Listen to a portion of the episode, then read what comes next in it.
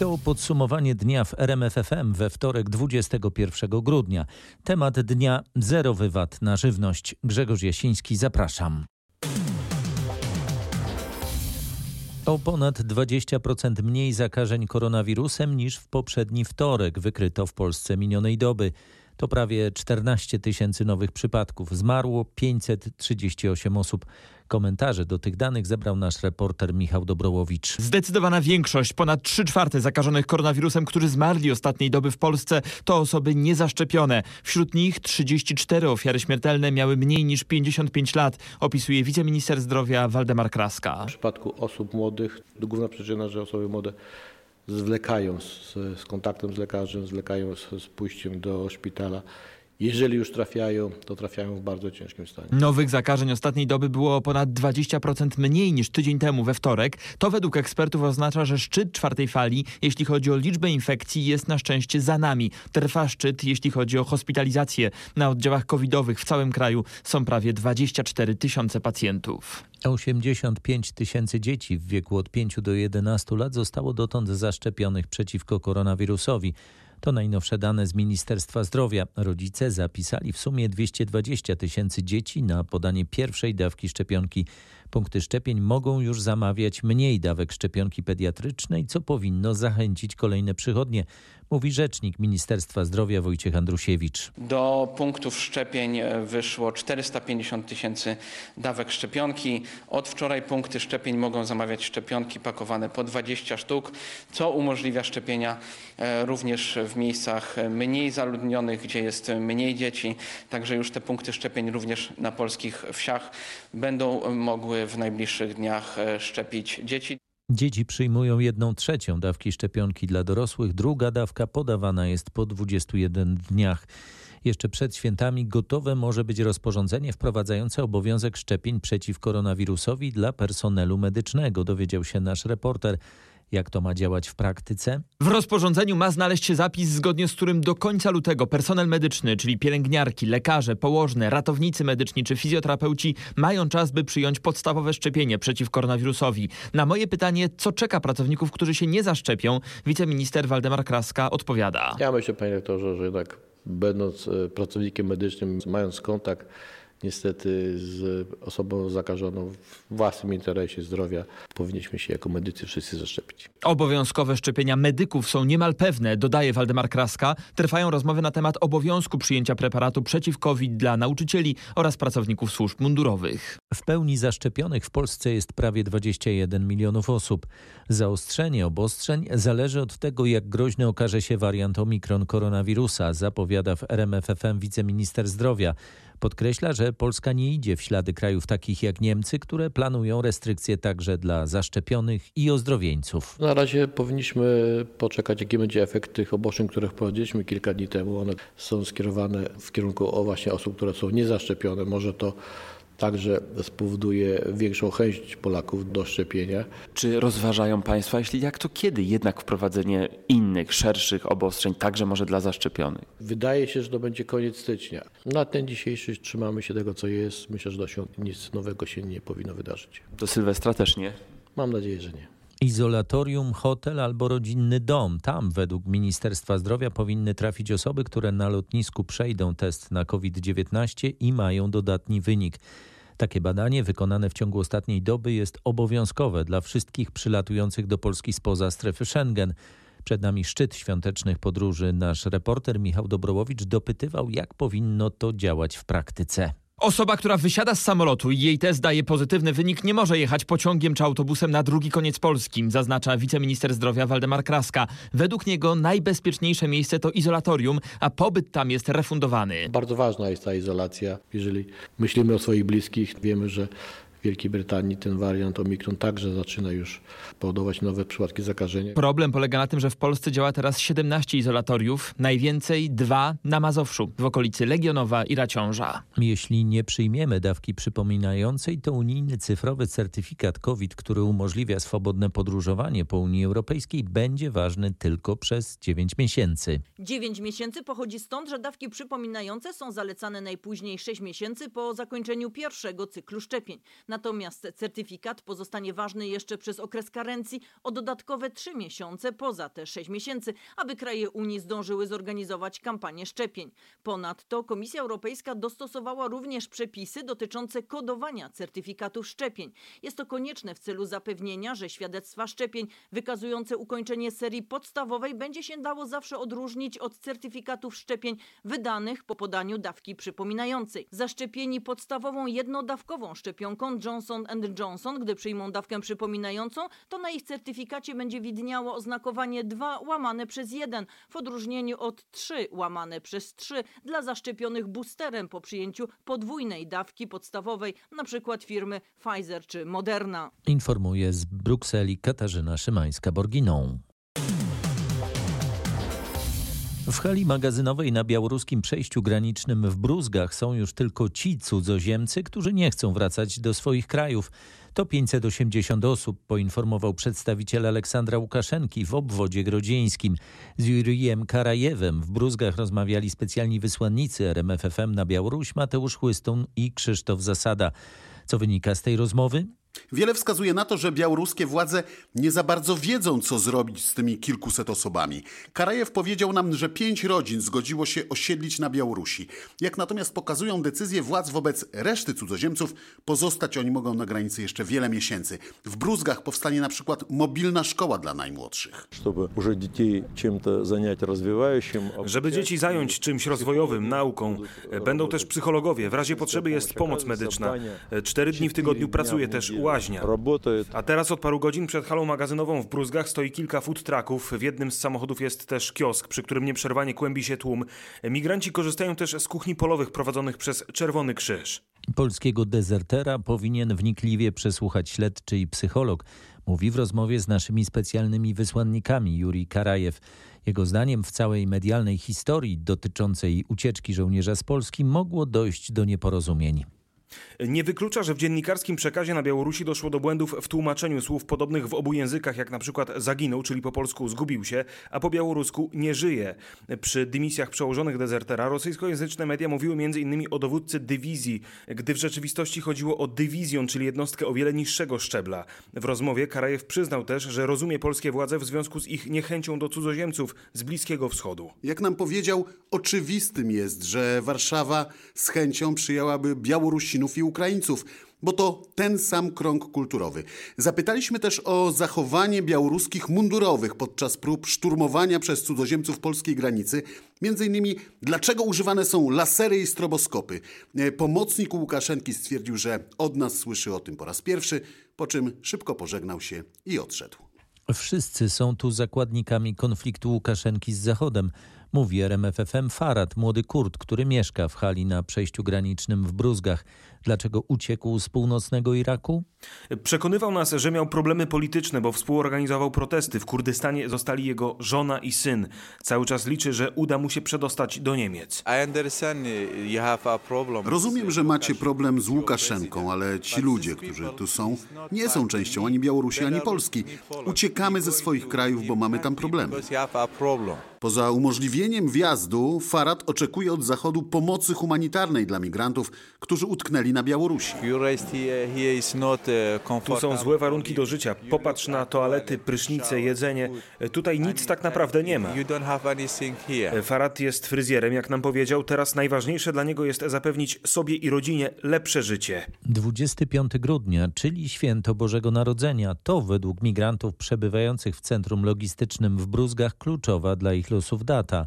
Jak przekonują, wtedy ma się okazać, czy trafią do Unii Europejskiej. Irakijczycy, którzy podeszli do nas w hali, przekonują, że wtedy ma zapaść decyzja Berlina, czy powstanie korytarz humanitarny z Białorusi do Niemiec. Gdy zapytaliśmy, skąd mają takie informacje, stwierdzili, że przekazują je przedstawiciele białoruskich władz. To, jak usłyszeliśmy, napawa ich jako taką nadzieją. Przed Nowym Rokiem wszyscy powinniśmy być już w Niemczech. Nie wiemy, czy to prawda, czy nie. W moim przypadku, jeśli się to nie spełni, pójdę do lasu i będę próbował przekroczyć polską granicę. Przekonaliśmy się, że przebywający w hali w Bruzgach łakną wiarygodnych informacji na swój temat. Kilkakrotnie zadawano nam pytania, czy macie dla nas jakiekolwiek, nawet nie tylko dobre wieści. Krzysztof Zasada, i Mateusz Chłystun. Nasi reporterzy jako jedyni polscy dziennikarze dotarli do ośrodka w Bruzgach. Ich fotoreportaż zobaczycie tylko na rmf24.pl. Jest nieformalna zgoda Komisji Europejskiej na zerową stawkę VAT na żywność jeszcze przed wejściem w życie nowej unijnej dyrektywy VAT-owskiej, czyli praktycznie od razu. To ustalenia naszej dziennikarki w Brukseli, Katarzyny Szymańskiej-Borginą. Jeszcze podczas weekendu komisja mówiła, że zerowa stawka VAT na żywność będzie możliwa, ale dopiero w ramach nowej dyrektywy, a ta wejdzie w życie pod koniec pierwszej połowy przyszłego roku. Co się stało? Można powiedzieć, że to sukces negocjacyjny polskich władz i prezent pod choinkę od Komisji Europejskiej. Komisja po prostu przymyka oczy na fakt, że Polska przez kilka miesięcy nie będzie w zgodzie z aktualną dyrektywą VAT-owską, która nie zezwala na zerowy VAT na żywność. Komisja zgadza się, dlatego że za kilka miesięcy wejdzie w życie nowa dyrektywa VAT-owska, uzgodniona 7 grudnia przez ministrów finansów Unii, która już na to pozwala. Żywność według tej nowej dyrektywy należy do towarów podstawowej potrzeby, takich jak woda, produkty lecznicze czy farmaceutyczne, które będą mogły korzystać z zerowej stawki VAT. Tu chodzi po prostu o zdrowy rozsądek. Komisja nie jest bezduszną administracją. Jeżeli reguły zmienią się za kilka miesięcy, to komisja nie będzie wszczynać wobec Polski procedury o naruszenie prawa z powodu tych kilku miesięcy. Informowała z Brukseli Katarzyna Szymańska-Borginą. Niezależnie od tego, czym ogrzewasz mieszkanie, zapłacisz za to więcej. Krzysztof Berenda porównał koszty różnych nośników ciepła. Co podrożało najmocniej? Najszybciej drożeje teraz ogrzewanie domu gazem. W porównaniu z poprzednią zimą koszt grzania będzie średnio o połowę wyższy. Przyszły rok e, tylko te statystyki pogorszy. Nieco łagodniejsze podwyżki dotkną tych, e, którzy stawiają na pozostałe nośniki energii. Na przykład grzanie ekogroszkiem albo peletem jest przeciętnie o 30% droższe niż przed rokiem, olejem o 20%, a prądem o o 13. Najłagodniej podrożało ogrzewanie domu węglem o 10%, co może zachęcić wiele osób do korzystania z tego no, najtańszego, ale i też bardzo często najmniej ekologicznego źródła ciepła. Rząd ma nową tarczę antykryzysową dla branż objętych obostrzeniami. Jest ona jednak znacznie skromniejsza od poprzednich, ustalili dziennikarze RMFFM. Czego konkretnie można się spodziewać? Z rządowych dokumentów wynika po pierwsze, że nowa tarcza ma objąć tylko dyskoteki i kluby nocne, które mocą rządowego rozporządzenia zostały zamknięte. Pomoc nie obejmie natomiast takich przedsiębiorstw jak kina, które mogą wpuszczać tylko 30% widowni plus zaszczepionych. Pomoc nie obejmie też teatrów, nie obejmie restauracji, w których ograniczone zostały bankiety, a te firmy też przecież ponoszą straty. Po drugie, ta nowa tarcza, w odróżnieniu od poprzednich, nie będzie zawierała dopłat do utrzymania miejsc pracy. Będą jedynie zwolnienia z ZUS-u postojowe i jednorazowe dotacje. Zdaniem przedsiębiorców e, taka konstrukcja nowej tarczy narazi wiele firm na upadek. Rząd odpowiada, że teraz priorytetem jest walka z inflacją. Informuje Krzysztof Berenda. W sądzie jest już akt oskarżenia przeciwko Sławomirowi Nowakowi, byłemu ministrowi w rządzie Donalda Tuska. Prokuratura oskarża Nowaka o przestępstwa korupcyjne i płatną protekcję w Polsce i na Ukrainie, gdzie Nowak był szefem agencji budującej drogi. Nowak według śledczych miał brać udział w praniu brudnych pieniędzy. Grozi mu 15 lat więzienia. Prokuratura oskarża Nowaka o kierowanie zorganizowaną grupą przestępczą działającą i w Polsce i na Ukrainie. Sam Nowak jest oskarżony o 17 przestępstw o charakterze korupcyjnym. Przede wszystkim o przyjmowanie łapówek za dopuszczenie wybranych firm do przetargów drogowych na Ukrainie. Tu prokuratura podaje kwotę ponad 6 milionów złotych. Do tego dochodzą zarzuty płatnej pomocy w uzyskaniu stanowisk w Polsce, gdy Nowak był szefem gabinetu politycznego premiera Tuska oraz pomocy firmie deweloperskiej w Gdańsku. Tu pada kwota 750 tysięcy złotych.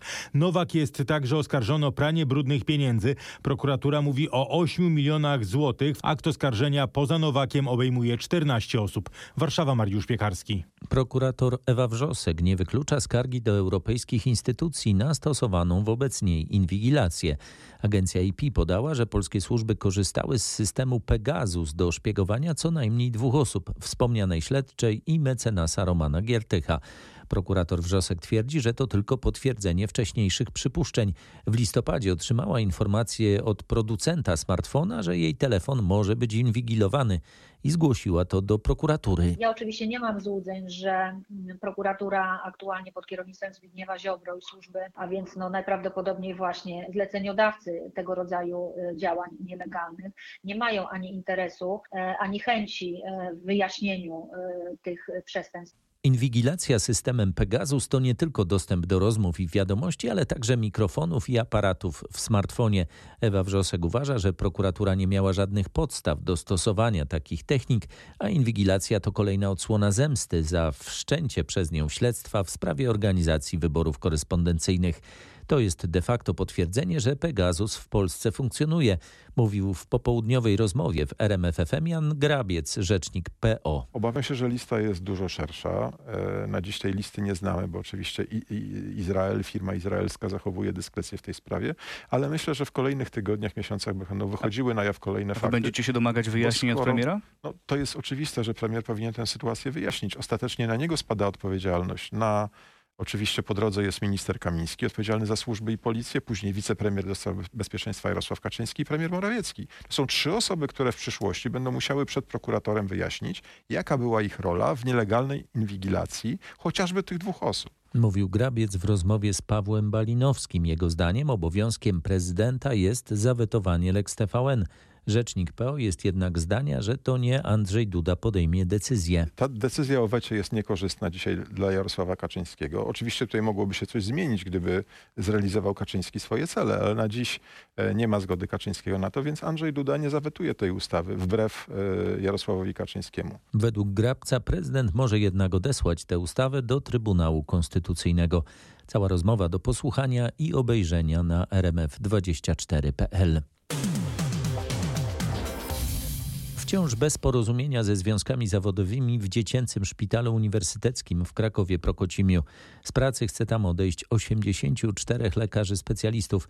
Placówce grozi paraliż już od stycznia. Związki zawodowe, a także dyrekcja szpitala prowadzą kolejne rozmowy z Ministerstwem Zdrowia i z Narodowym Funduszem Zdrowia. Cel jest jak na razie jeden, by nie dopuścić do paraliżu placówki, mówi Katarzyna Pokorna-Chryniszyn, rzecznik prasowa szpitala. W tym momencie trwają rozmowy ze związkami zawodowymi lekarzy. Cały czas pracujemy pracujemy nad rozwiązaniem. Tak naprawdę, żeby ono doszło do skutku, to jest nam niezbędna pomoc z ministerstwa, na którą bardzo, bardzo czekamy. Z nieoficjalnych informacji wynika, że do kompromisu jest coraz bliżej, jednak rodzice małych pacjentów są przerażeni sytuacją szpitala. Te informacje są trochę przerażające, szczerze mówiąc, bo jest bardzo dużo dzieci chorych i gdzie one będą się leczyć. Dla nas było oznaczało katastrofę, no nawet nie chcę o tym myśleć. Szukać innych szpitali w Polsce, żeby w ogóle jakoś się leczyć. Szpital dziecięcy w Krakowie Prokocimiu to jedyny tak duży ośrodek specjalistyczny w południowo-wschodniej Polsce. Polsce. Informuje nasz reporter Marek Wiosło. Z pisaniem protokołu rozbieżności zakończyły się rozmowy związkowców z zarządem Polskiej Grupy Górniczej na temat rekompensat dla górników za pracę w weekendy.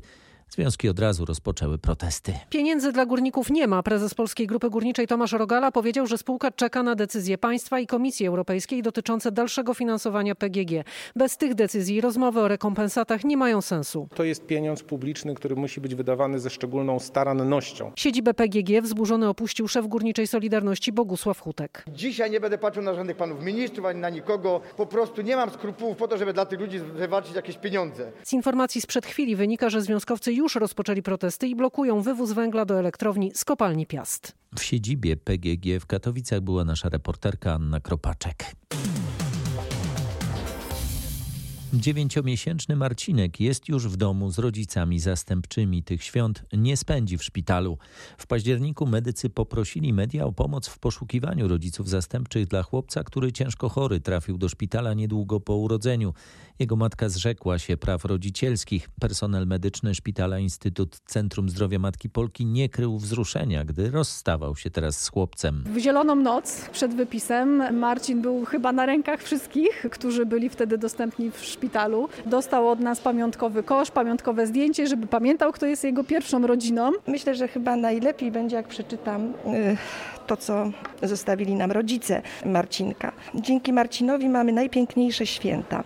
Takiego szczęścia nie da się opisać słowami. Marcin od razu doskonale odnalazł się w swoim nowym domu. Widzimy, jak bardzo potrzebował domowej atmosfery. Ciągle się uśmiecha, widać jego szczęście. Przeszedł w tym czasie bardzo wiele procedur medycznych, cztery operacje, procedurę ECMO spowodowaną niewydolnością oddechową w przebiegu bardzo ciężkiej posocznicy. Tych y, wyzwań medycznych było bardzo wiele i cieszymy się, że oczywiście wszystko zakończyło się pozytywnie. Takie sytuacje jak Marcinka zdarzają się na szczęście sporadycznie, aczkolwiek zdarzały się też takie historie, że dzieci, które trafiały do nas z domu dziecka na hospitalizację, w momencie kiedy była druga mama na oddziale z dzieckiem leżała, łamało jej się serce i była taka historia, że mama zaadoptowała to dziecko, które było na oddziale również powiedziały nam dr Katarzyna Fortecka-Piestrzeniewicz z Kliniki Intensywnej Terapii Wad Wrodzonych Noworodków Szpitala Matki Polki, która opiekowała się chłopcem w klinice, dyrektor Instytutu profesor Iwona Maruszyńska oraz prezes Fundacji na Rzecz Rozwoju Instytutu Centrum Zdrowia Matki Polki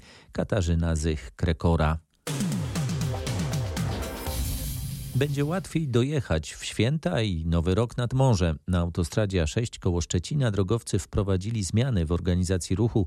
Kierowcy regularnie stojący tam w korku powinni odetchnąć z ulgą. Co się zmieniło? Na jezdni w kierunku Gdańska i Świnoujścia dostępne są dwa pasy. Do tej pory było tu spowodowane remontem zwężenie, przez które tworzyły się nawet 20-kilometrowe zatory. Na jezdni w kierunku Kołbaskowa i niemieckiej granicy dostępny jest jeden pas. Jest jednak łatwiej, bo auta mogą jechać na wprost, bez konieczności zwalniania, by przejechać na przeciwległą nitkę. Do tych ułatwień nie należy się jednak przywiązywać. W połowie stycznia znów wrócą zwężenia, bo remont węzła Kijewo jeszcze się nie kończy. Z umiarkowanym optymizmem informuje nasza reporterka Aneta Łuczkowska. Od jutra wracają pociągi na trasę do Zakopanego. Przez ostatnie miesiące trwały prace modernizacyjne linii kolejowej, innymi wymiana torów, a przewóz pasażerów do stolicy Tatr odbywał się komunikacją zastępczą. Od jutra pociągi znów będą dojeżdżać pod Tatry, a na święta i ferie zimowe w rozkładzie jazdy przewidziano 14 relacji dalekobieżnych, m.in. z Gdyni, Gdańska, Szczecina i Warszawy, a także 32 połączenia regionalne. Pasażerowie pojadą wygodniej po wymienionym torowisku na odcinku między Nowym Targiem a Zakopanem, a także z Kawiną a Suchą Beskidzką. Zmodernizowano także 20 stacji kolejowych i ponad 50 przejazdów. Od marca będą prowadzone kolejne prace remontowe, a modernizacja kolejowej Zakopianki ma zakończyć się w 2023 roku i kosztować ponad miliard złotych. Zapowiada dziennikarz RMFFM Maciej Pałachicki, a w Tatry jeszcze dziś dojedziemy. Medale Polaków podczas pływackich Mistrzostw Świata na krótkim basenie. Brązowy zdobyła Katarzyna Wasik. Była trzecia na 50 metrów stylem dowolnym. To taki pływacki sprint. 50 metrów przepłynięte najszybszym stylem kraulem to jest bardzo prestiżowa konkurencja, nieco ponad 23 sekundy rywalizacji. Katarzyna Wasik przegrała tylko z dwoma faworytkami. Złoto zdobyła Szwedka z Justrem, srebro Holenderka Kromowi Jojo. Niespełna godzinę temu złoto na 200 metrów stylem grzbietowym wywalczył z kolei Radosław Kawęcki. Polak odebrał już swój medal, no i wysłuchał Mazurka Dąbrowskiego. Podsumowywał Patryk Serwański z redakcji sportowej RMFFM. Znakomity występ Maryny Gąsienicy Daniel w zawodach Pucharu Świata w slalomie gigancie rozegranym w francuskim Courchevel. Polka zajęła szóste miejsce, tracąc do Amerykanki Mikaeli Schifrin 2 sekundy 44 setne. Bardzo dobrze wypadła też druga z biało-czerwonych, Magdalena Łuczak zajęła 20 miejsce. Jakub Przygoński kończy przygotowania do rajdu Dakar. Impreza rusza 2 stycznia. Za tydzień Przygoński będzie już w Arabii Saudyjskiej. Każdego dnia uczestnicy rajdu będą pokonywać setki kilometrów. No skala jakby kilometrów, jeżeli to są dystanse po 800-900 kilometrów dziennie, naprawdę no, pokonujemy jakby całe kraje w ciągu jednego dnia i zmieniamy jakby też warunki. I też my musimy być do tego przygotowani technicznie samochód do, do warunków atmosferycznych, terenowych, które co chwila są tak naprawdę inne. Czy pandemia odciśnie swoje piętno na zbliżającym się rajdzie? Uczestnicy muszą zrobić wszystko, by zminimalizować groźbę zakażenia koronawirusem. Na pewno ostatnie te, można powiedzieć, prawie 10 dni, no będę gdzieś tutaj w gronie rodziny ograniczony, o tak bym to wziął. No i to jest chyba jedyna możliwość, żeby mieć na pewno pewność, ale co się stanie, jak nie będę miał pilota? Trochę no, nasza załoga przestaje działać. Co się stanie, jak nie będzie kilku inżynierów? Też jakby wszystko przestaje działać, więc to jest trudny moment, trudna sytuacja. Rozmowa z Jakubem Przygońskim, kierowcą Orlen Teamu, który tegoroczny Dakar ukończył na czwartej pozycji, jest na rmf24.pl. Dziś dokładnie o 16.59 rozpoczęła się astronomiczna zima. Potrwa do 20 marca. Będzie gościła u nas przez 88 dni, 23 godziny i 34 minuty. W Lublinie zima powitała nas siarczystym mrozem. Jest strasznie zimno. Naprawdę nie spodziewałam się, że może być aż tak zimno. Dzisiaj jest pierwszy dzień astronomicznej zimy. A właśnie, faktycznie. Ale minus 7 jest. Wiem, czuję. Ja już czuję te święta, ja już jedną nogą jestem w domu. Jest słońce, więc to nastraja pozytywnie. Codziennie tego słońca o minutę będzie więcej, tak, tak już bliżej do wiosny normalnie. Tak, dokładnie tak. Rozumiem, generalnie jest pozytywnie. Tak, pozytywnie, bardzo usłyszał nasz reporter Krzysztof Kot. Są takie miejsca w naszym kraju, gdzie w zimie przez cały dzień nie widać słońca. Na przykład przy Morskim Oku. Słońce nie wyjdzie ponad rysy, ponad y, Cubrynę czy y, szczyty Mięguszowieckie. Ono po prostu będzie nad horyzontem, ale nie wyjdzie ponad widokręg. Mamy tam do czynienia z pozorną nocą polarną. No, podobne sytuacje można w niektórych miejscowościach w Karkonoszach również oglądać, które się wręcz reklamują tym. W Dolinach Taczańskich to w wielu miejscach występuje. My się tym nie musimy chwalić, bo i tak Tatry są naj, naj, naj Podkreśla Marek Kot z Tatrzańskiego Parku Narodowego.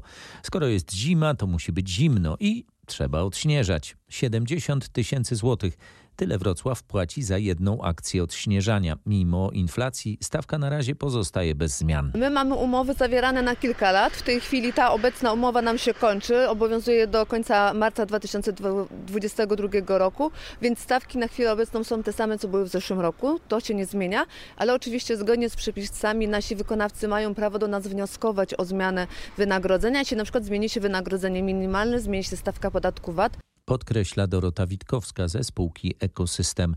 W tym sezonie zimowym Wrocław wydał na odśnieżanie ponad 400 tysięcy z zarezerwowanych blisko 4 milionów złotych. Jak ostrzegają synoptycy, śnieg w Polsce ma spaść jeszcze przed Wigilią.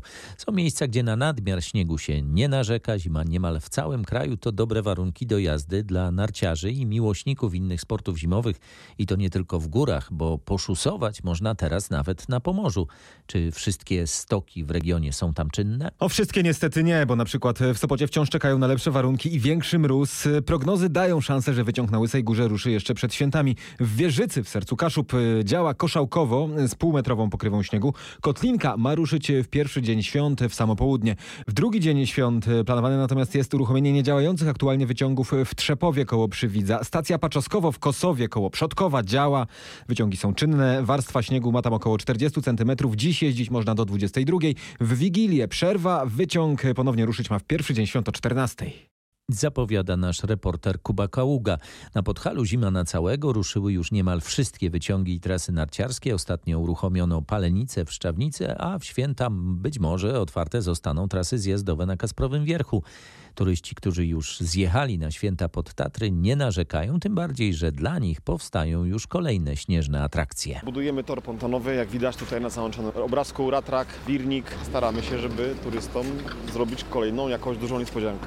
No ale widać, że śniegu nie brakuje, bo bandy mają już tak dobrze ponad 2 metry wysokości. No ponad 2 metry wysokości, 2 metry grubości, tunel śnieżny, także no moc atrakcji czeka na święta. No bo stoki zaśnieżone, już właściwie nie ma się co obawiać. No, wszędzie jest metr, tak delikatnie. Są miejsca, gdzie jest dużo więcej śniegu, także jeżeli chodzi o narty, to w ogóle nie ma ryzyka, że, że, że nie będziemy mogli do wiosny jeździć, natomiast te inne atrakcje się budują. Zamki śnieżne, labirynty, to wszystko pewnie lada dzień? No tak, też, też tam planują y, na święta ruszyć, y, no ale niestety to tak się wydaje każdemu, że jest gotowe i działa. Natomiast, żeby to mogło powstać, trzeba bardzo dużo nakładów, przede wszystkim sił, y, aby to wybudować. Tak? Przyszedł mróz, możemy dośnieżać, bo tego śniegu idzie bardzo dużo, dużo na te budowle. Jak warunki, jak się jeździ dzisiaj? Bardzo dobre warunki, fajna zima. Szkoda, że jestem w pracy. Na stoku muszę uczyć zamiast korzystać z tego świeżego śniegu, świeżej dostawy. Usłyszał od pracujących na stokach nasz reporter Maciej Pałachicki. Tyle na dziś. Kolejne podsumowanie dnia w RMFFM już jutro wieczorem. Grzegorz Jasiński, dziękuję. Dobrej nocy.